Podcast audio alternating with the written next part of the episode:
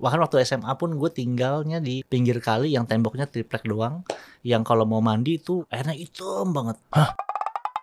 Kita kasih solusi. Edozel. Udah mulai Udah mulai langsung dong. Kok gak ada 5, 4, 3, 2, 1 close the door? Gak ada, gak ada. Itu Dedi, itu Dedi. Udah ya. Derry Kobuzer. Wah, Dok. Yes. Dari tahun 2012 kita udah ngonten-ngonten gak karuan dulu ya? Waduh, kita dulu kan jackass banget ya. Masih inget gak program kita? Nah, udah. Namanya Keder. Kelakuan Edo Deri. Jangan ditonton dosa. Please, please, please, jangan ya. Udah, udah, udah, udah, udah di zaman kapan nih? Zaman- Gak ada, gak ada. Zaman sebelum tobat ya semua orang punya masa Ya. lalu lah ya. Iya, Ya. sekarang Edo udah, oh masya Allah, Aduh, udah menemukan jati diri yang benar. Gue nyari, Amin. kok Edo yang dulu nggak ada, alhamdulillah berani gue kontak dah kalau gitu dan. eh banyak deh bisnisnya dia. Gue waktu ke beberapa bulan lalu, Ya. gue meeting sama teman-teman eh siapa Erik tuh, eh, foto laku, Betul aku ya. ya kan? Kita sewa di atas tuh. Mhm. Akhirnya pas ke lantai duanya, kok ketemu lo kan? Oh iya, oh lu sewa yang sebelahnya ya? iya, ngerti, itu punya lo juga tuh yang Jawa di atas. Enggak, enggak, enggak. Itu punya mentornya gue. Lu satu lantai punya lo tuh. Enggak, enggak, enggak. Enggak social bread itu yang tengah doang. Oh, enggak, cuma enam bangku doang, begini doang kita enam bangku. Kita juga nyewa di sana. Masa iya? Iya. Oh. Sekarang baru kita puji Tuhan udah eh, 900 meter persegi. Oh iyalah. Udah, ah, udah ada investornya. Iya ya? Venture capitalnya luar biasa. CTO-nya juga ngeri. Ada gini bro. Iya. Gue mau bahasnya gini sebenarnya. Eh, kan lu sekarang udah banyak berubah ya. Mungkin banyak yang Yes. tanya. Mungkin kangen Edwin dulu. Satu lu klarifikasi lah. Kenapa lu bisa begitu dalam artian mungkin fokusnya ya. Kita Iya. bahasnya pembahasan kita nggak jauh-jauh dari kalau kasih solusi nih lu bisa kasih solusi kepada teman-teman semua mengenai bisnis Yes. ya kan? Gimana caranya naikin demand Iya. ya kan? Akuisisi market kompetitor pindah ke kita. Pokoknya gue menarik. Gue nonton nonton konten-konten lo sekarang udah sangat jauh lebih bermanfaat ya Iya, iya, iya, deh. ini teman lama gue nih masya Allah nih. Nah tapi mundur lagi ya dok ya. Kita Iya. bahas dari awal ya dok. Berarti lu dulu gimana sih? Maksudnya Apa? Perjalanan hidup gue. iya Oke. Ber- berdarah-darah sempat ngerasain ya mungkin lu bisa cerita deh sampai akhirnya sekarang lu punya harta yang yang ada lah ya. Eh, iya iya iya Ya karena gue tuh lahir kan nggak punya bokap. oke Jadi begitu lahir ya taunya cuma ada mama aja gitu kan. Ya. oh Nah karena nggak punya bokap, nggak punya tulang punggung ekonomi, jadi double kill tuh, udah broken home, miss queen lagi kan. di mana di Jakarta udah langsung di, di Jakarta, di Jakarta. ah, oke Nah, dulu tuh saking susahnya tuh, gue tuh kalau eh, makan waktu kecil ya, kalau kalau nambah diomelin. Anak lain kalau nambah, "Ih, pinter ya nambah." Kalau saya nambah lu nambah lu. Sebegitu. Emang iya? Yes, yes, yes. Bahkan waktu SMA pun gue tinggalnya di pinggir kali yang temboknya triplek doang, yang kalau mau mandi tuh airnya hitam banget. Jadi gue kalau mau ke sekolah tuh, Hah? gue bimbang. Kalau gue mandi malah makin kotor. orang mandi gara-gara bau iya, ya. iya. Lu mandi gitu bau lo gitu. Kalau ini jangan mandi deh gitu ya. Tapi untungnya waktu SMA, tadi kan gue, gue sempat cerita ya Oh. bahwa ada mamanya teman gue yang tahu kondisi gue saat itu. Akhirnya dia undang tuh, Edo kalau mau makan malam datang aja ke rumah AI gitu. ah itu apa? AI itu tante lah, wah, Oh. apa karena keturunan Tionghoa kan. Gitu. Oh ternyata tuh ChatGPT itu dari Tionghoa ya? AI itu AI, Oh, iya, iya. AI, AI. oh beda. Oh beda. Maaf maaf saya nggak tahu. Oke Habis terus. itu ya udah eh, diundang kan, Edo kalau mau makan eh, datang aja makan malam bareng. Ya udah, saya diundang sekali, datangnya dua tahun. Jadi ya ya itu berkat berkat kebaikan orang lah. Oke, sesusah itu. Terus akhirnya lu gimana sekolah? Ya sekolah eh, Bayarnya? ya di, masih dibayarin sama orang tua sama mama. Ah, Oke. Cuma ya untuk sehari-hari cuma dapat tiga ribu sebulan ya kerja jadi kasir warnet, kemudian Oh. eh, jualan parfum door to door. Kalau sekarang kan enak ya jualan parfum tuh online ya. Dulu ketak-ketok dah. Gitu. Saya punya tester Oriflame nih. Gue inget banget lagi. Sama Sophie Martin enggak? Enggak, saya kemarin enggak, saya Oriflame aja. Oriflame ya. Iya, iya, iya, iya. Keranjang kuning belum ada tuh ya. belum ada. Dulu nggak bawa keranjang, kita kan kantong resek.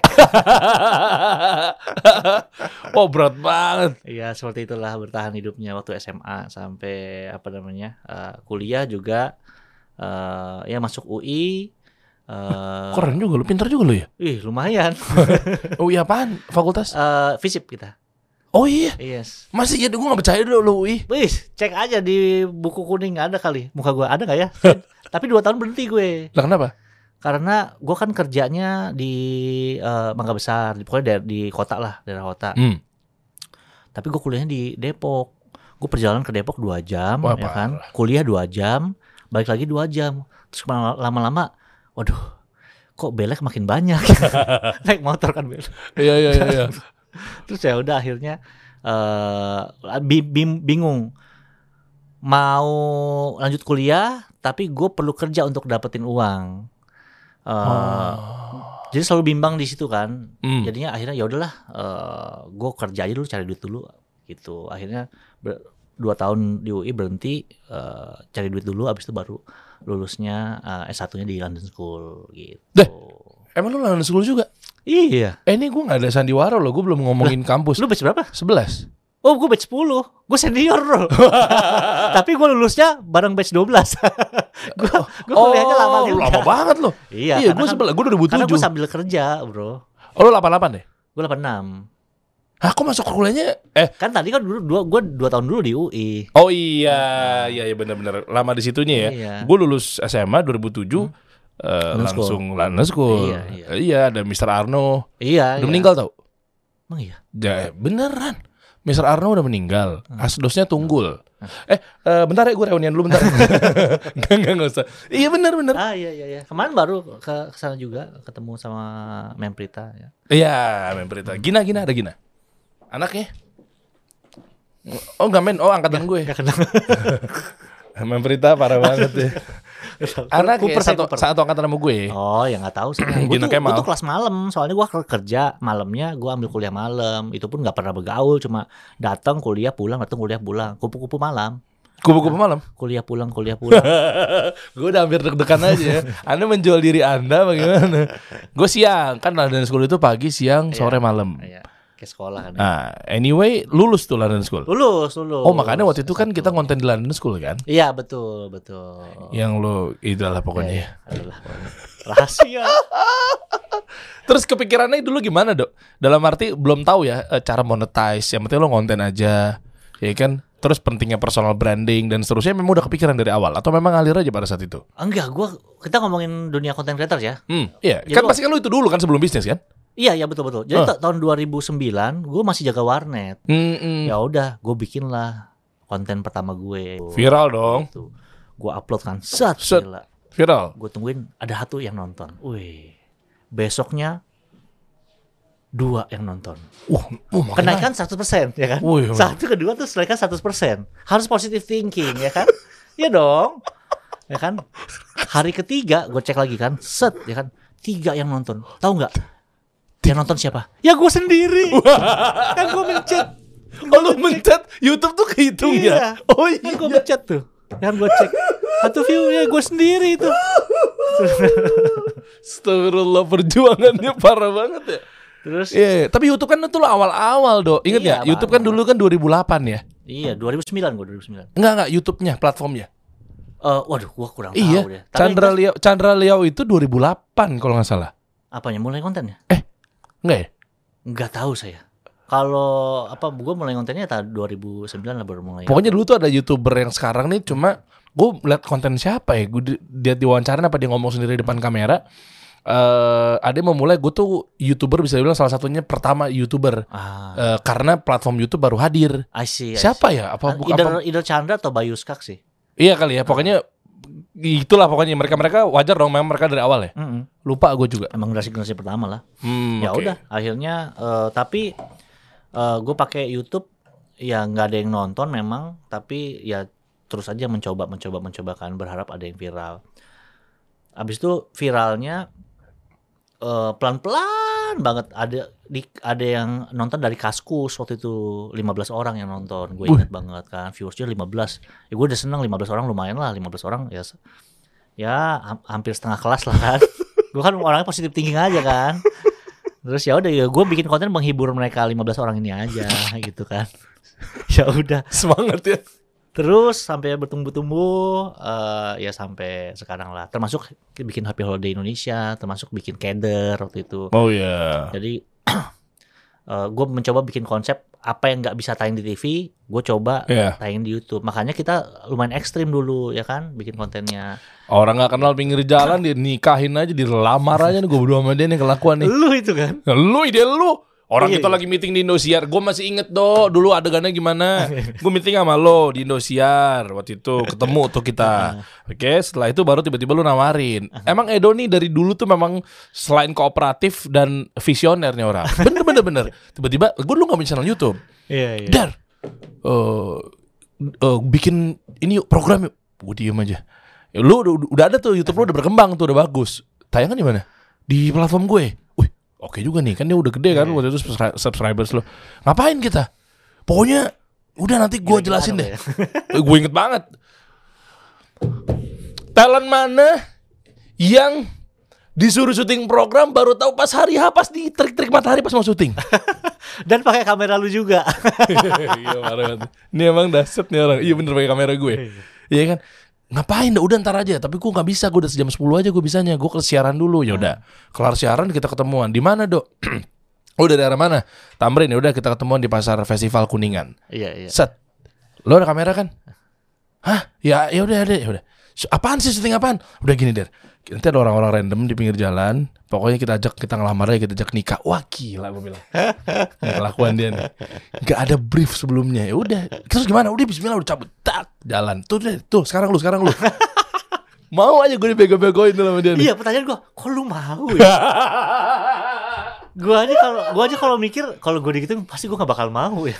Iya dulu sama di otak Iya, gue memang. gimana caranya main viral. Iya iya iya memang otak kita ya begitulah. Ya kan terus masuk dalam mall. Ya. di busway lah apa lah aduh dulu pada saat itu buat ambil pelajarannya ternyata apa sih yang bisa dipetik kita ikhtiar atau mungkin lakukan ikhlas lakukan eh, tanpa harus eh, bertanya neko-neko itu kan Iya kan iya betul betul. bener betul, gak betul, betul. ya maaf ya oknum gue sebutnya konten kreator zaman sekarang tuh kan banyak tapinya tapi kalau ini gimana Iya. tapi ada duitnya nggak ya iya betul. Tapi tapi tapi tapi ya gitu jadinya tuh Yes yes yes. Iya kan yes. dulu tuh Dulu kita bikin bikin konten bukan mau duit, bahkan kita dulu belum tahu gimana Iya, caranya iya. dapetin duit. Dulu kayaknya belum ada pikiran AdSense kan? iya exactly benar Bahkan dulu kayaknya belum diaktifin AdSense-nya atau memang belum aktif di belum ada di YouTube Indonesia AdSense ya. Betul, dan gue inget banget kata-katanya dia terus nih gimana nih dong Maksudnya gue juga gak kepikiran cara monetize ya Gue gak kepikiran revenue, boro-boro ya dulu kita ya udah jalanin aja kan Terus lu waktu itu kalau gak salah lu ngomong kayak Udah ntar siapa tahu ada yang lihat kita bisa dibikinin inilah itulah. Pokoknya mimpi lu begitu ya kan? Mindsetnya memang pengen tetap masuk pengen masuk TV kan? sebenarnya. Iya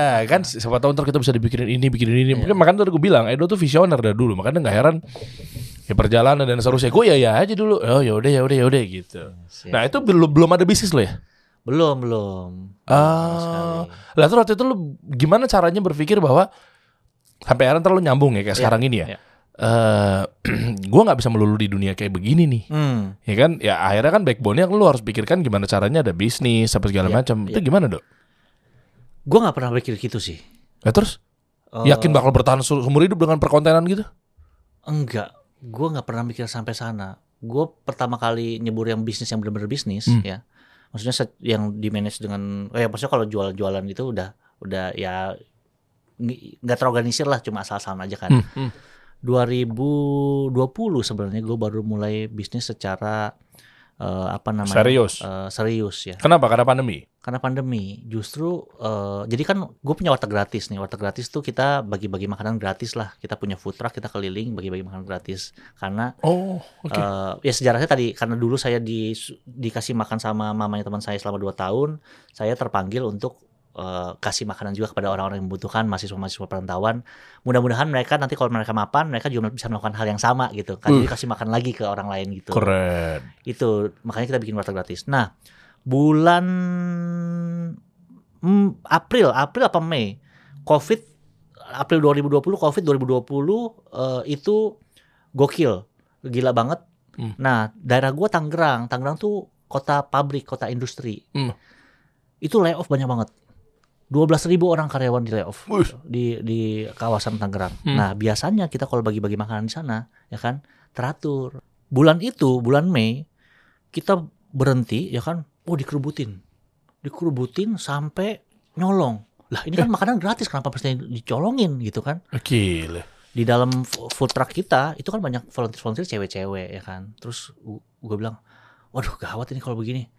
Ngeri kan kita nggak tahu orang lagi lagi kayak gitu kan. Udahlah mak- makanannya taruh aja di jalanan udah kita jalan aja biar mere- mereka rebutan. Ya sopan nggak sopan sih tapi gue lebih pentingin keselamatannya volunteer-volunteer gue kan. Malah jadi mudorot, takutnya maaf ya, ada yang megang-megang. Iya, iya. Kan kita nggak tahu oknum-oknum gitu kan. Betul betul. Ya udah akhirnya udah taruh aja makanannya di di di jalanan langsung kita cabut udah kita cabut. Nah tapi dari situ gue kepikiran wah gila ya ini covid orang kehilangan banyak pekerjaan. Akhirnya gue terpanggil untuk buka lapangan pekerjaan. Nah Hmm. gue carilah partner-partner yang eh, apa namanya eh, ya gue doalah eh, Tuhan yang kasih lah eh, partner karena gue gak ngerti bisnis bro gue nggak tahu bisnis tuh apa sih ininya gitu gue harus Oke. gimana gue nggak ngerti Hmm. Terus gue bertemulah sama Mas Hendy Setiono, Oh, Baba Raffi. Baba Raffi. Pernah juga tuh mampir sini tuh. Iya, oh iya, iya. Iya, iya. iya, iya. Nah, gue cerita sama dia, Hmm. Saya mau saya mau buka lapangan pekerjaan, Mas Hendy ada mau nggak berpartner sama saya gitu. Wah kebetulan dia bilang. Hmm. Kalau di agama gue nggak ada yang kebetulan, bro. Kalau udah bilang ada yang kebetulan, berarti ini jalan Tuhan nih. Hmm, Tapi agama- bener, bener, bener. Di gue sih, me- ya terlepas dari gue main Eh. di sama-sama Muslim ya. Aha. Tapi di gue tuh ketika gue dalamin lebih dalam, Aha. eh, memang adanya kodarul takdir, Yes, yes. nggak adanya kebetulan betul. Betul, betul, betul. Setuju, Iya. setuju. Oke, oke, lanjut. akhirnya ya udah bukalah kita eh, nyapi eh, se- seisapi kita adalah usaha makanan yang pertama kali buka di covid. Orang lain tutup ya kan? 80% F&B waktu itu 80% F&B lagi drop. Oh jelas. karena semua lagi pada pusing gimana nih cara jualan online ya kan? Lagi lagi bikinin frozen gimana caranya ya kan? Oh. saya waktu buka ya kan nyapi ditarik sama mentor saya. Dia bilang dok lu nggak salah nih buka buka Wih. tempat makan Eh, buka buka usaha di covid apalagi F&B F&B 80% ini drop. Lu kan lu tahu datanya. PPKM juga kan? Eh, PPKM Aduh. PPKM tengah-tengah PPKM kita buka. Nekat juga lu ya. terus gue bilang sama mentor gue gue bilang waduh eh, sorry kok eh, saya bukan buka restoran saya buka lapangan pekerjaan. Ya enam orang enam orang 10 orang kerja kerjalah. Udah yang penting niat, niat saya pengen buka lapangan pekerjaan. Eh tahu nggak bro? Dalam waktu tiga bulan nyapi buka 30 cabang bro. Lo kok bisa? Nggak tahu gue juga sampai sekarang bi suka bingung Bentar, bentar, bentar. Dari mana bisa bukanya revenue? Dari omset? dari nggak franchise Oh, kan, kan Mas Hendy kan raja franchise Oh iya, Indonesia kan. iya, iya, iya. tapi iya. di tengah di tengah covid nggak ada yang berani bro nggak ada yang berani buka cuma nyapi yang buka Itu investasi dari mana? Dari investor? investasinya temannya Mas Hendy Oh. adalah dia kasih modal 150-an lah gitu 150 miliar. enggak enggak enggak juta Oh. dong 150 juta Aku deg-degan. nah tapi itu sukses berat eh, nyapi itu kita omset sehari bisa 20 juta kita sampai harus nyari ngasepin daging lagi apa segala macam wah pokoknya sempat stres ny- nyariin stok oh, oh lewat online yang paling banyak ya? enggak enggak enggak Datang? Datang Lah kan nggak boleh. nggak boleh memang tapi mau gimana kita melanggar ppkm sih melanggar kita kita akuin tapi ya kita selalu bilang ya kita mau buka lapangan pekerjaan you want to stop us you stop us lah gitu datanglah Kalau- tapi Ah, cuma oke. ya orang-orang eh, pemerintah juga ngerti peng- ada pengertiannya lah dari pemerintah Hmm. eh, da- daerah kita dan kebetulan kita bukannya kan di kabupaten bukan di kota Madia gitu. Oh, jadi nggak kena zona merah ya? Apa sih Ah, istilahnya dulu? jadi nggak terlalu strict lah gitu Hmm, ya, ya. Nah, kayak gitulah jadi Oke. memang purpose-nya niatnya baik ya tiba-tiba dibukain jalan Tuh, poinnya tuh. kalau kalau melihat gue yang dulu kadang-kadang gue suka bingung bro gila ya nih gue sekarang punya re- restoran tiga 30 biji dulu tuh gue tinggal di pinggir kali loh gitu Apa yang lu dapat? purpose Purpose ya? kalau lu punya purpose yang bener Tuhan yang buka jalan Hmm. warteg gratis itu juga tujuannya nggak make sense bro gue punya warteg gratis tuh warteg tapi gratis bisnis pasti rugi kita dulu Iya, bilangnya betul. ini bisnis pasti rugi nih siapa yang mau invest siapa ya nggak ada nggak orang rugi lu gimana revenue-nya nggak ada eh ternyata ya Tuhan buka j- jalan sama Lewat apa? Donatur gitu. Warteg Lewat- gratis. iya. Coba buka dong, buka dong warteg gratis. Ada di mana? Eh, tuh, tuh, tuh, tuh. Gue sempat kepoin juga sih kemarin-kemarin. Gue pikir memang ini eh ya maaf ya, gue pikir ah ini nggak bertahan lama, paling udah kelar nih. Masih jalan. udah tahun ke berapa deh empat ya empat tahun kita empat tahun udah empat kota kita Ngeri juga ya. ya puji Tuhan Siapa? Eh, donatur tetap gitu? eh masyarakat Oh jadi siapa pun gitu? Iya. Gue pun bisa support. bisa kita bisa.com aja Oh, lew oh iya lewat Yes. kitabisa.com Yes, ya. yes, yes. awalnya tuh kita gua pitching bisnis pasti rugi. Siapa yang mau invest? ya kan? Itu tulisan itu. Iya. Siapa yang mau invest di bisnis pasti rugi? Dijamin kalau invest sekarang besoknya langsung rugi. Wah, kita kita bilang gitu loh Eh, cuan, eh, gitu. Tapi ternyata banyak yang Tapi benar maksud gue. Eh, lihat deh narasinya. Gue gue coba pakai dari agama gue ya. Eh, bisnis pasti rugi. Dunia rugi bro. Tapi kan investasi sesungguhnya di akhirat. Yes, amin. Ya kan? Yes, betul. Jadi lu naruh duitnya sebetulnya dengan bantu orang, dengan lu sedekah, infak gitu kan, Iya. duit lu nggak akan hilang sebetulnya karena investasi lu tanam tuh di akhirat istilahnya itu nggak akan turun tuh, ya kan nggak akan rugi apa segala macam kalau di dunia kelihatannya begitu. Makanya mau dibawa ke mana sih harta? Padahal gue juga butuh harta juga Nah, kayak sih. gini nih kegiatan Iya, kita iya. coba di scroll. Gimana coba? Hmm, Kemarin kita habis garage sale juga. Nah, ini Oh, kita iya. itu, kita keliling. Oh jadi warteg gratisnya bukan stay di kios atau pinggir Yes. jalan gitu ya? Iya, soalnya kalau gue stay di, di tadinya awalnya mau warteg bener-bener warteg yang stay, cuma ternyata setelah kita diskusi sama teman-teman semuanya, ini kita merusak ekosistem ekonomi di sana. Kalau gue buka satu tempat, yang warteg-warteg sebelahnya apa Oke. segala macam mati dong. I Orang gue gratis gitu. Satu dan yang kedua yang makan yang orang-orang itu aja yang dapat manfaatnya. Exactly. Iya gitu. kan? Makanya sekarang keliling. Jadi kita nggak ganggu eh, apa ekosistem ekonomi lah. Dan kalau mau tahu misalnya apa, lo share rutenya gitu tiap harinya atau random aja tuh gimana? Tahunya Oh. keberadaan lo ini, si si Obi Fan ini nih. Iya iya iya iya. Eh. iya. Eh, nggak eh, apa namanya kita sudah tentukan titik-titiknya sih Setiap apa? setiap minggu. Setiap minggu. Jadi selama seminggu di titik A. Yes. Oh enggak enggak enggak. Enggak. Kita itu kegiatannya enggak enggak setiap hari bro. Eh, kita seminggu tiga kali. Jadi biasanya ke, ke pemukiman pemulung, eh, panti asuhan, sama eh, apa ke anak-anak perantauan mahasiswa. Wuh, gitu. berapa porsi? gitu. Sekali lo mendarat. Dua ratusan lah. Oh, kurang oke lebih. banget itu. Jadi kurang lebih kita bantu 5000 eh makan bagi 5000 makanan lah kurang lebih. Eh, Gitu. per? per bulan. Per bulan. Ya, puji Tuhan. Oh, jadi ini bisa bisa diakses ya linknya ya Bisa bisa. buat teman-teman support Bisa. apa segala macam ya. Nah, tapi ini kan sebelum nyapi kan? Sebelum nyapi. Oh, betul. gue dapet tuh kuncinya. Ini guys, ya gue dapat pesan moralnya ini apa? Sebelum Edo juga kemarin dia tentang ya pokoknya banyak sedekah apa segala macam ya. Nah ternyata ini bukti bahwa ketika lo memudahkan urusan orang lo akan dimudahkan juga kan Hmm. jalan ya kan. gue di warteg gratis justru gue belajar bisnisnya di warteg gratis Kok bisa kan pasti rugi?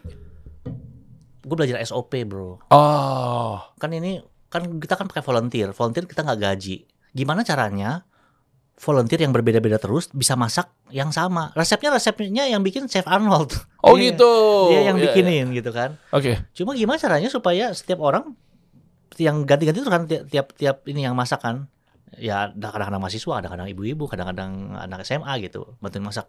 Kalau nggak ada SOP-nya ya rasanya nggak karuan dong Oh, sekali ini sekali ini sekali ini belajar SOP terus, Terus? eh, apa namanya belajar bikin sistem. Gimana caranya supaya sistemnya bergerak dengan baik? Ada oh ada mana- ada manajernya yang kelola ini yang satu kerjaan itu kayak gitu gitu sih. Baru belajar manajemen. Oke narasi yang digaungkan kepada mereka volunteer kenapa dia mau effort lah?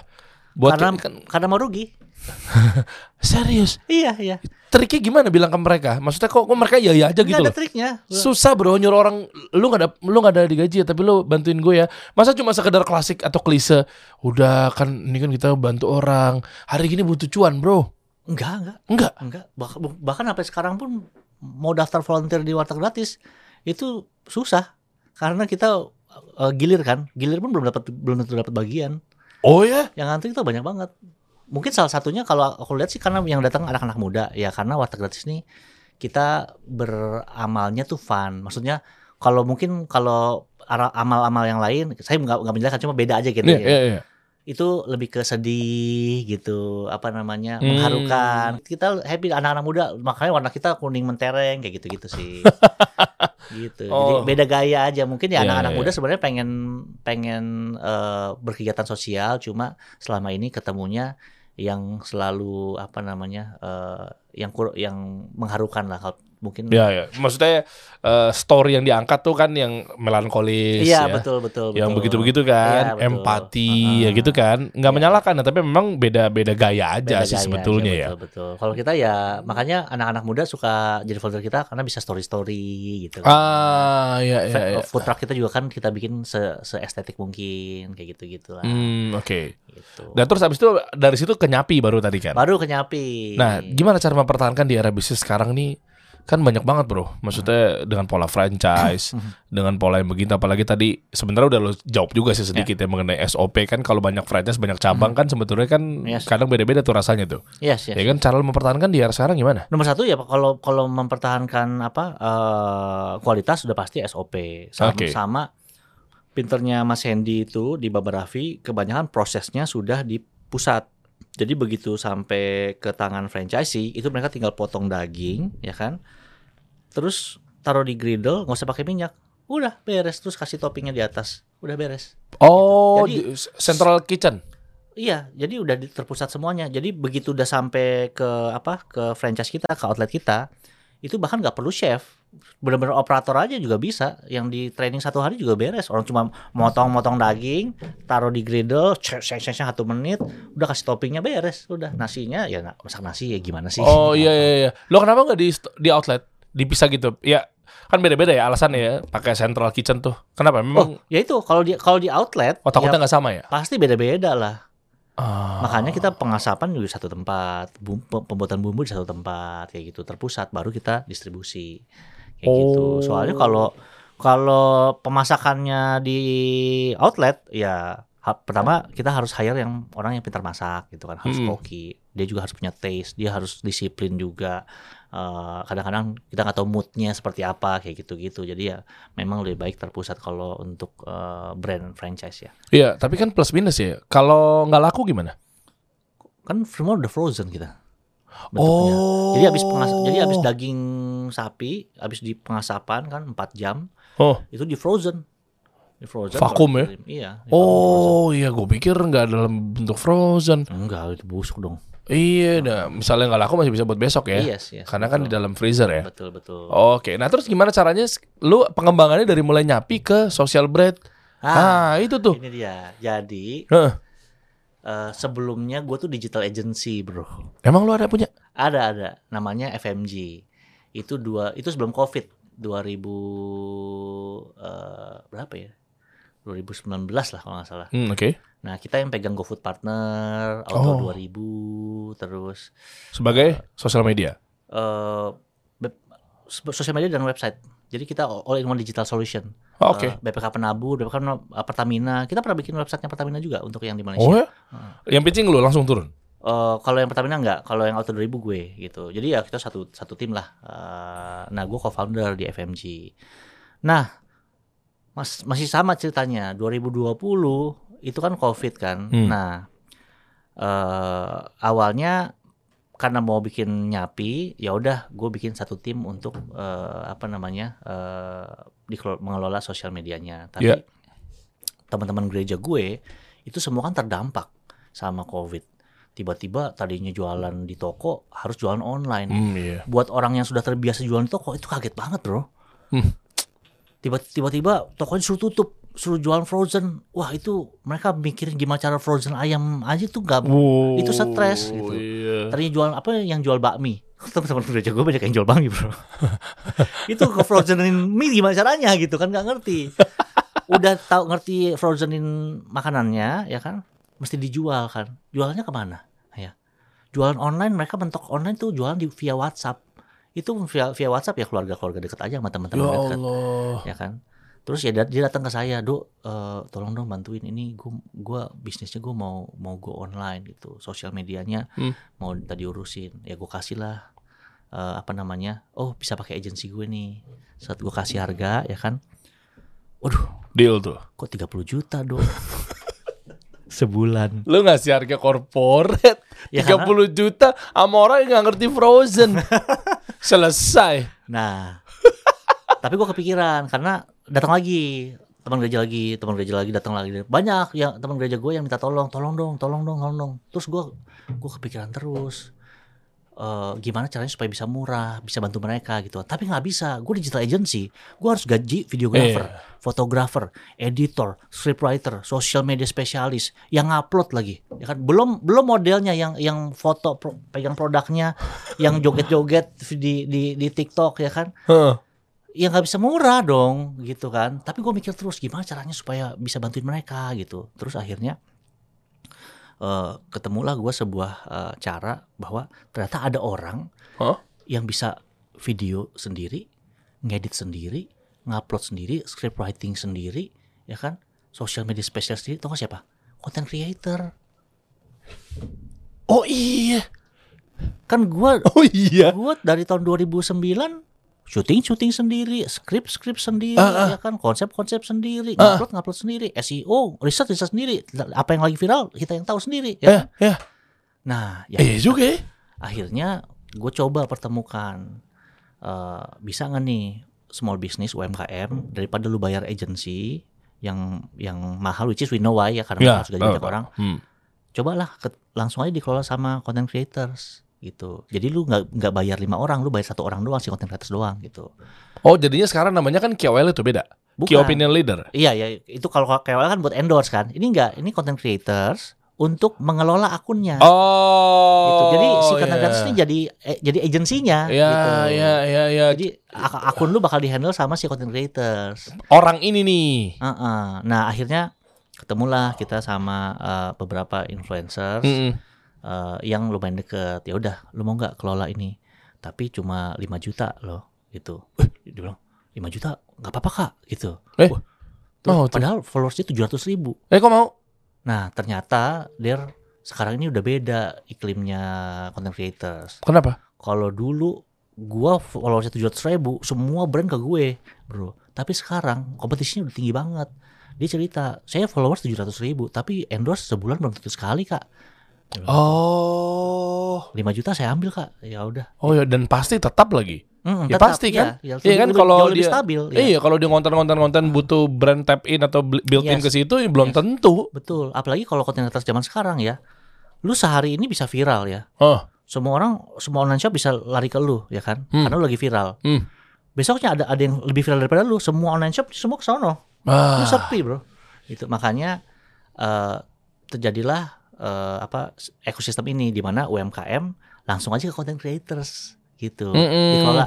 Karena UMKM kan kebutuhannya nggak banyak. Kalau dulu zamannya gua auto 2000 rebranding ya kan, awareness ya kan. Aduh, iya. Waduh, pusing kan. Tapi kalau. UMKM enggak, yang penting dikelola aja ya kan. Yang penting posting, yang penting ada orderan masuk gitu kan. Heeh. UMKM kan nggak pusing. Makanya si kreator juga nyaman. Ya udah. Akhirnya berhasil 1 2 3 4 5 sekarang kita sudah bantu 1200 UMKM untuk Oh, ya? mengelola sosial medianya. Oh ya. Gitu, Oh. Berarti market lo memang betul-betul ke small business ya Yes, berarti ya. semua Tapi kalau business. memang ada korporat yang gede banget masuk gimana? Contoh misalnya, em, Ya. Dok, eh, ini gue dari teh botol sosro nih, yes, kan nggak mung- nggak mungkin lo tolak juga dong? ada yang gitu. Kita oper ke agency partner kita. Oh oke. Jadi ke depannya Hmm. eh, tahun depan kita akan jadi marketplace juga. Karena kita lihat ada beberapa permintaan corporate. Sekarang ini corporate yang eh, pakai platformnya kita ada eh, Bukalapak, ada Tako, ada eh, apa lagi saya lupa deh. Sebagai Adalah pokoknya. sebagai? Ya itu eh, apa? Nggak lo nya sebagai? Gue cuma calo doang kan gue platform doang. Oh agregator. iya iya. Jadi lu tuh- tengah-tengah, lu Yes. tuh makelar, Aha. ya kan? Lu tuh kayak Gojeknya, Gojek kan nggak punya motor tuh, Betul. ya nggak? Sama. Shopee nggak punya mall. Betul. Kita agensi yang nggak punya agensi. Jadi kita cuma platform fee aja. Setiap transaksi kita ambil platform fee. Berapa? Kayak gitu. Adalah, Bro. Loh, Enggak, enggak, enggak. Ya, GoFood aja dibuka. ya, ya normal lah. 20 Segitu ya? 20 persenan lah. Oh iya iya iya. iya. Sama siapa aja timnya? Gue kenal nggak? Ada yang gue kenal.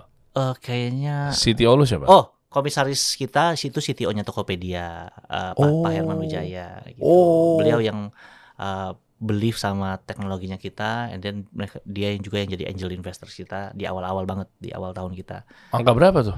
Ah. ini, ini di edit apa enggak itu?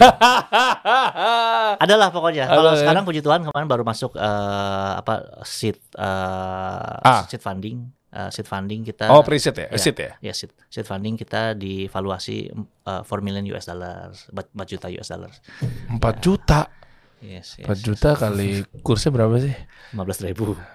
Sekitar valuasi ya, 6 miliar. valuasi 6, 65 miliar. Eh 60 mil valuasi 65 miliar. Yes, yes. Berarti kalau dia masuk 6,5 miliar berarti dapat 10 persen. Yes, exactly. Oh oke juga tuh investor da- dapat 10 persen mantep. iya bener bener bener. Oh oke. Jadi itu yang kita bangun. Se- Sekarang sih bentuknya masih website platform. Mana coba kita buka dong social bread. Ini ini solusi loh buat UMKM nih ya. Buat teman-teman karena setuju tadi giliran kita mau hire pegawai Mhm. itu boncos tuh awal-awal tuh. Hmm. Bahaya tuh. Iya Yes. kan? Terus kalau lo mau pakai satu jasa tadi lo bilang apa? Agency. Agensi yang ini ada ini ada ini Iya, ada ini kan berbahaya. pasti. Makanya kan rata-rata di sini isinya konten kreator semua. Yes, betul, betul. Nah, konten kreatornya gimana caranya eh, masuk ke dalam sini? Berarti kan lu harus cari demand mereka juga untuk gabung sudah, kan? sudah, udah itu mah udah dari awal-awal kita berdiri. Kita yang daftar kita tau berapa orang? Berapa? Sepuluh ribu. Wah, dahsyat. Sepuluh ribu konten creators tapi seluruh Indonesia gitu. Ta- Iya, iya, tapi iya. kita belum bisa tampung semua tuh biasa karena uh, UMKM yang kita bisa bantu juga masih terbatas lah. Skalanya apa aja tuh dari standar ya, misalnya dari eh, followers yang ya pokoknya mikro. Minimal seribu, minimal seribu baru bisa ber- Oh, berarti dari mikro, makro, me- nano, mega gitu. iya. Eh, pokoknya di atas seribu boleh boleh eh, apply ke kita. Dan dia juga posting di sosial medianya dia juga kan? enggak. Oh, Kalau- Kalau itu endorse. Jadi kita ada beberapa apa namanya eh, produk boleh diklik. di Ah, coba buka deh. Buka deh. Nah, ini social Nah, brand kalau .id. kalau yang pertama ini, Mm-mm. eh, yang ini yang tadi saya cerita ya produknya. Eh, jadi kita langsung ketemu sama content creators, dikelola akun sosial medianya. Oke. Nah, yang kedua, Coba bawa. Yang kedua ini live live shopping. Ketemunya bukan sama content creators, ketemunya sama eh, live shopping streamers. Eh, gue lagi nyari beginian nih. Oh silakan, langsung dipakai aja. Iya. Agak ambigu ya. Agak ambigu ya. Maksudnya jasanya dipakai. Oh jasanya gitu tolong dikelarkan Iya, iya, dong iya, eh, iya. ucapannya ya. Siap, siap. Agak ambigu ya. Nah, Nah, tuh, ini nih ini lagi rame soalnya. banget, Iya kan, di Ini TikTok growth, Live. Growth kita 40% tiap bulan.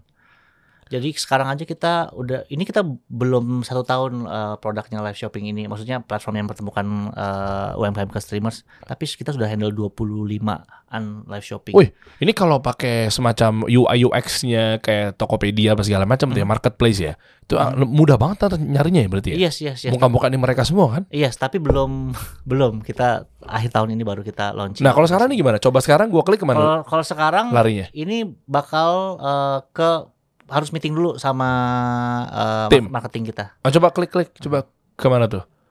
Nah, Ke mana larinya tuh? Hah?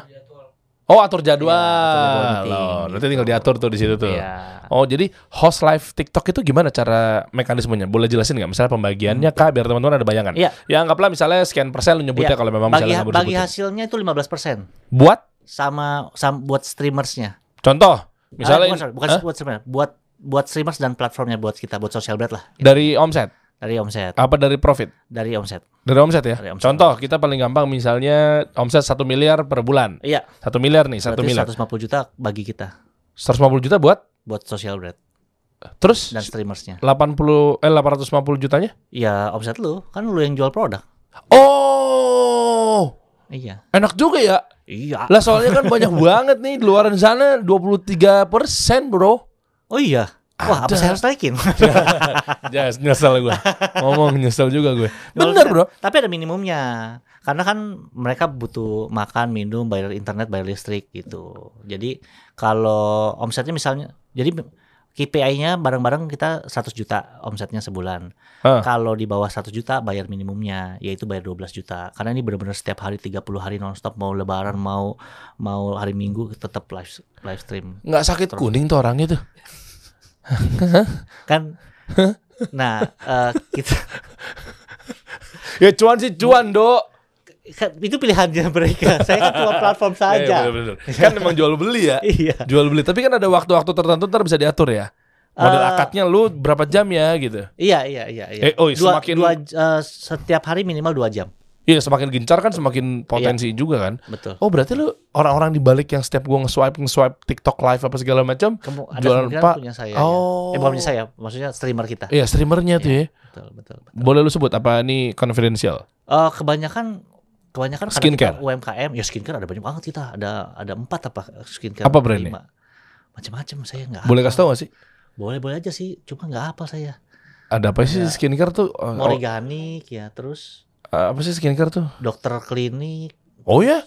eh, kebanyakan brandnya bukan brand yang terkenal karena kita memang UMKM banget. Kan ada gue lupa lagi Originot eh skin scientific Skin enggak enggak enggak scientific mah udah pakai internal atau agency itu kelasnya beda. itu dia dia dia kita kan pakai streamers jadi ya dari kualitasnya juga enggak yang corporate. hmm. Mereka cuma pakai handphone aja. tapi oke secara omset Secara omset oke. makanya pada bertahan. Bodoh. Sama sekarang kan lagi main mom- momentum si aplikasi TikToknya pun mendorong Iya. yang live shopping. Jadi kalau kalau istilahnya kalau kita bisa ride the wave-nya sekarang Hmm. ikutan live TikTok shopping ini berpotensi banget. Nah, ini menarik ya. Gue Gua punya, gue Eh, kasih tau, eh, salah satu user kita, Hah? tahu nggak sebulan omsetnya berapa? berapa? 1,9 miliar sebulan. Hah? Si host live streamer ya? Enggak, Si brandnya? Iya, brandnya 1,9 miliar. Apa jualannya? Produknya Jualan apa? Sepatu. Sepatu. Mm-mm. Jualan sepatu.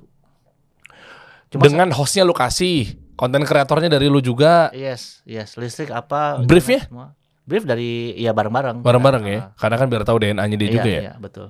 Betul. Dok, ngobrol bentar ya bro. Eh fenomenal sekarang tuh arahnya ke mana sih? Gue juga lagi ngebaca nih Live TikTok shopping. live shopping ya. Gue kasih lihat, gue kasih lihat lu kantor kita ya seperti apa ya? Wah, ini menarik nih. Sekarang udah eranya live shopping ya. Gue juga kepikiran maksud gue eh produk-produk yang memang eh, kita bina atau mungkin dalam arti affiliate dan seterusnya. Ini kita bisa ngarahin ke sana nih. Emang itu gak dipungkirin ya live shopping ya dok? Live shopping. Bahkan gue kalau ngeliat omset-omsetnya mereka, bro, gue sendiri sekarang lu tahu sendiri, gue malam-malam sekarang jualan jualan buku. Lu juga live tiap malam? live stream malam-malam. Oh ya? Lihat omsetnya tuh gila. Gue aja, Oke tapi pas lu live. oke, oke banget. Buku apa? Nih ini kan gue, gue ya. Coba coba. coba. Nah ini kantor kita nih. Satu. Oh lu jadi studio-studio live gitu ya? Nah ini gue Seru banget. Ini nih, kegiatan. Kemarin gue nggak ada dok itu. Hah? Kemarin pas gue main ke tempat lo, oh yang baru ya kantor yang baru ya? Yang baru, yang baru. Bro ini kantor lo bro. Iya. Sekarang trennya live shopping begini ya? Heeh, kita kalau udah 6 sampai jam 12 malam semua full live shopping. Meja gua aja dipakai buat live shopping. Saking saking fullnya. Oh sekarang eranya begini ya? Trennya memang live shopping. Nah, kalau di China udah bukan tren, udah jadi culture. Oh. Lu kalau ke China ada satu mall ya. Jadi bilik-bilik gitu bro. Nanti kita munculin di layar Rani lu lihat ya. Jadi kayak kayak studio-studio eh, extravaganza sama OVJ. Iya juga Iya kan, lu kan ketika lu syuting di situ kan rata-rata ada kayak bilik atau kontainer-kontainer gitu kan. Yes. Di sini ntar adegannya eh, set rumah apa sofa ruang tengah. Ini misalnya tentang warung gitu Yes, kan. yes, yes. Kan kalau kita ke Trans TV kan waktu itu kayak gitu tuh. Betul betul. Bilik-bilik nah, yang itu. lu lihat tuh baru satu lantai.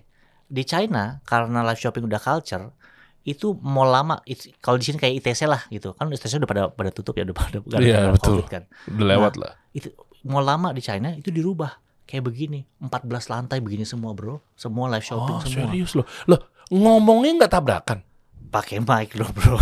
Bukan bukan maksud gua kan ini kan antar gini kan kedengeran pasti Enggak, enggak ada, ya? ada ada mic-nya dari China kita juga kita juga ambil dari China yang cuma se- sekepala doang. Kita sebelahan sebelahan benar-benar sebelahan. Oh, jadi ambience ngambil dari segini doang. Iya. Jadi kalau ngomong di sini nggak kedengeran. kedengeran, enggak kedengeran. Meskipun dia agak kencang kayak. Nah, "Eh," lu gitu. kalau main ke kantor kita berisik banget. Tapi kalau lihat siarannya, eh, live-nya enggak enggak berisik. Mic kapan? Ada mic dari China nanti gua gua share lah. Enggak, maksudnya siapa tahu kasih tips dong teman-teman dong. Apa namanya? Oh, lu nggak hafal ya? Kagak ada namanya. Ambil dari China. Hah? Lah, search-nya apa? Ka- harus ke China, Bro. lah, oh, nggak bisa online Amazon Amazon. Hah? Amazon. Amazon mana ada? Alibaba lah. Eh, Alibaba. Amazon, Alibaba. Iya iya. Alibaba nggak coba aja cari mic-nya. Aku nggak tahu yang mana sih. Tapi kalau gua ngambilnya ya dari China. Karena Kayak ya. kayak boya-boya gitu. Iya iya iya kayak kayak boya-boya gitu. Saramonic nggak bisa? Sar Sarmonik bisa lah pasti. Ya, tapi kan mahal Sarmonik ya. Kita Iya mau sih. yang murah-murah aja. 3 jutaan, 2 jutaan ya. iya iya. Ya kalau Sarmonik bisa. Coba gua nggak tahu. Gua nggak pernah coba tuh biasa kalau Sarmonik. Tapi yang yang kita iniin eh apa namanya ya ya yang dari China punya. Oh, masya Allah. Pokoknya sekarang kita lihat nih perkembangan Edozel, ya udah banyak ternyata bisnis-bisnis yang memang menjanjikan tuh. Kalau kelihatan dari sini adalah uh, lihat peluang demand ada di mana, market ada di Gua mana. per- gua nggak percaya Hah. eh, bisnis yang dimulai dari opportunity ya. Gue selalu Wah, bilang, terus dari mana lo mulai? kalau gue mungkin kalau gue percaya gini, bisnis yang eh, bagus itu bukan bisnis yang berdasarkan opportunity, Dari? tapi berdasarkan problem. Oke, ya sepakat. Kalau berdasarkan opportunity, yang terjadi sekarang, lu lihat orang main skincare, main skincare, main skincare, wah asik nih main skincare juga, Hmm. kan? Yang mikir begitu banyak. Akhirnya sekarang apa? Semua user gue sebanyak skincare ada banyak banget. Akhirnya apa? Akhirnya cekek-cekekan harga kan. Iya. Yang, yang sono harga satu, jual satu ribu, gue jual sembilan puluh ribu, ih sembilan puluh ribu, gue delapan puluh ribu, ih delapan puluh ribu, cekek diri sendiri kan. ya kan? Ya, ya. lihat wah kopi marginnya gede nih ya kan 15 gram kopi jadi jadi, jadi 10 cup kan wah opportunity ya kan semua orang main kopi tiba-tiba ya kan sekarang jadinya apa semua Nah. cekek-cekekan berdarah-darah jadi red ocean kan kenapa produk kita jadi komoditas kalau gue Ah. percayanya bisnis itu dimulai dari problem problem itu masalahnya apa contohnya ya Gojek Ah. Gojek itu masalahnya apa masalahnya macet ya kan di Jakarta Iya, iya, iya, dan, oke. dan juga apa namanya eh, terlalu vari- variabel untuk eh, ojek pangkalan tuh harganya nggak jelas lah gitu kan. Iya. Nah dari problem-problem itu muncullah aplikasi Gojek yang Oh, nice. memecahkan. Oke. Eh, social bread problemnya apa? Problemnya kan gua mau bantu UMKM ya, Hah? yang nggak eh, mau bantu UMKM yang mau mengelola sosial medianya tapi nggak punya nggak punya duit nggak Hmm. mau bayar agensi nggak Berat. mampu ya kan berat Hmm. langsung aja ketemu sama content creators ya kan jadi murah tapi efe- tapi efektif kurang lebih sama sama agensi jadi berat dari problem Oke, tapi kalau si brand itu nge-bypass langsung konten-konten karena konten kreatornya setelah Ah. itu gimana? ini yang orang lain nggak punya jadi kita punya eh, teknologi data crawling jadi kita bisa tahu apa yang bakal ngetren eh, minggu depan gitu. Oh, jadi begitu dia mau bypass langsung ngobrol-ngobrol sama si konten Iya. kreatornya udah nggak usah lewat sosial brand deh. Yes, kita kita aja udah. kreatornya yang nggak mau udah berapa kali kok kreatornya nggak mau soalnya Karena kreatornya jadi nggak tahu insight minggu depan apa yang bakal ngetren oh ya iya, yang Karena kan ada dia- malah dia nggak laku ya. Iya. Karena kan dia mau grow uh, followersnya juga kan cita-citanya pe- pengen tetap pengen jadi Mbak Imwong kan. Iya, iya, iya. Gitu. Oke, mantep ya teman-teman. Nih coba aja cek ya di sosial media sosialbread.id Yes. ini buat para UMKM tepat nih. Markasnya di sini nih banyak UMKM UMKM yang ya mengalami kesulitan dan seterusnya gitu kan. Apalagi mau mulai yang tadi tuh live shopping. Ayo Allah, tampil aja mereka nggak pede. Nggak tahu gimana cara ngomongnya, nggak tahu gimana set Eh, studio li- itu. li- live shopping itu tri- tricky banget loh. Bentar-bentar violation, bentar-bentar violation. Kalau nggak ngerti, nggak benar-benar pelajarin, waduh, itu merah-merah merah-merah, akhirnya tokonya nggak laku. Oh gara-gara? Violation, macam-macam oh. violationnya. Ada suara anak kecil, ya kan? Tiba-tiba kena violation. Oh ya kan? iya, Ruben Onsu pernah tuh. Ah. Lihat sekelas Ruben Onsu aja. Nih ini true story ya, muncul di FYP gue. Mhm. Ruben tuh ngomong, Mhm. padahal kemarin gue habis nonton dia live di Benchmart tuh. Mhm. Ya kan? Gue gak ngerti lagi dan begitu geleng-geleng. Gue ngerti katanya ya kena violation tadi. Yes. Ya kan eh, karena gue begini, katanya begini, karena begini. Ya udahlah, apa boleh buat? Nah, itu mungkin gara-gara suara anak kecil tengah malam tuh apa gimana Berapa mungkin? menit nggak munculin produknya violation. Terus eh, hostnya meninggalkan ini eh, layarnya violation. Wah pokoknya kalau nggak dipelajarin bener-bener nggak bener-bener ngerti kita Iya. Betul. belajar juga dari dari kesalahan-kesalahan kita lah. nggak ngomong terus ya, ditinggal apa segala macam ya. Iya, iya. Makanya kan rata-rata pas gue nge-swipe ngoceh mulai. Gue nggak tahu tuh lak-lakannya dikasih apaan tuh. Dro, thank you deh. Yes. Nih, teman-teman langsung aja samperin deh ada warteg gratis, ada social bread, nyapi. Yes. Nyapi udah berarti perpanjangannya nanti akan nambah lagi, cabang. Eh, kita lagi mau launching lagi yang versi lebih kecil lah, Eh, yang express nyampe express coming soon. Buat teman-teman yang mau belajar bisnis, mungkin bisa yang level eh, franchise-nya yang lebih eh, Berapa harganya? modalnya lebih kecil lah. Berapa? Sekitar 50 75 lah gitu. Oh, Kalau- oke. yang yang utama kan Hmm. nyapi sekitar 300-an kan. Ini versi versi yang booth lah. Menunya lebih dikit tapi Iya. ada kesempatan. Masya Allah. Terakhir dok, berarti lu kan sekarang jadi pengusaha ya, udah nggak konten-konten kayak dulu lagi ya. Duitnya banyak ke mana dok? Hah? Duitnya banyak ke mana? Duitnya ah duitnya dari mana-mana lah. Kan ada konten receh, Padahal ya. konten viral. Aha. Sama sekarang kan lu kan jadinya kan oh lebih maksudnya wise. antara entrepreneur atau atau bikin konten gitu? Iya. Oh kalau duit sebenarnya lebih enak bikin konten. Iya, terus kenapa lu pilih jadi pengusaha?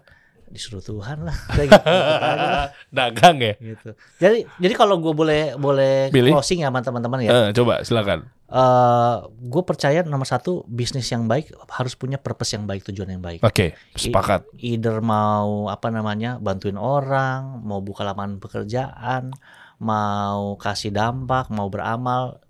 Yang penting tujuannya baik dulu. Tuhan yang pasti buka jalan. Hmm. Terbukti dalam semua usahaku kebanyakan seperti itu. Enggak kebanyakan, semua. Hmm. Warteg gratis, nyapi, social bread semua booming. Kenapa? Karena punya niat yang baik. Hmm. Yang yang kedua eh, mungkin teman-teman pegang adalah jangan bisnis dari opportunity deh. Cari cari problem. Problemnya nggak perlu yang susah-susah, macet atau bantu UMKM nggak perlu susah-susah.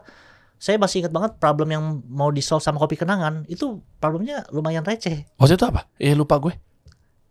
Jadi biasanya kalau karyawan-karyawan mahasiswa ya Uh-uh. kan, mereka kan pengen ngopi. Nggak mungkin kopi hitam pekat itu kan? Nah, mereka mau ke Starbucks tapi nggak punya duit. Ah. Problemnya itu doang. Mahasiswa pengen ngopi di Starbucks tapi nggak punya duit. Problemnya itu doang. Receh banget kan problemnya. Iya, iya, Maksudnya iya. bukan macetan Jakarta membantu UMKM enggak kan. Itu doang. Tapi kalau tapi kalau disuruh mahasiswa disuruh beli kopi yang gocengan yang Hmm, hmm. yang Starling, malu ya kan. Iya. Jadi- Iya. Jadi problemnya dilihat nih, ada mahasiswa duitnya cuma 20 ribuan tapi pengen gaya gitu. Dan Bukan- masuk di mall. bukan mau ngopi, Iya. mau gaya dia tuh. Makanya apa namanya eh, gayanya tuh nomor satu ya kan lihat ininya Fore apa namanya eh gelasnya- Packaging. packagingnya Iya, Fore iya. kan Oh iya. Kayak keren gitu Iya, iya, iya, iya. padahal mungkin kopi ya ya Iya. pasti terbuat dari biji kopi kan Ya sama. yang harganya ya modalnya ya segitu kayak gitulah jadi problem cari problem dulu lah Oke. Eh, baru saya yakin apa namanya ada ada kesempatan untuk lebih scale up. Betul. Karena nggak mungkin adanya solusi kalau ada Ya kan nggak mungkin adanya solusi, tapi kalau nggak ada problem. betul exactly. Ya kan? Artinya munculnya problem, ujungnya pasti butuh solusi. yes Itu dia tuh makannya nih. nonton kasih solusi Kita kasih solusi.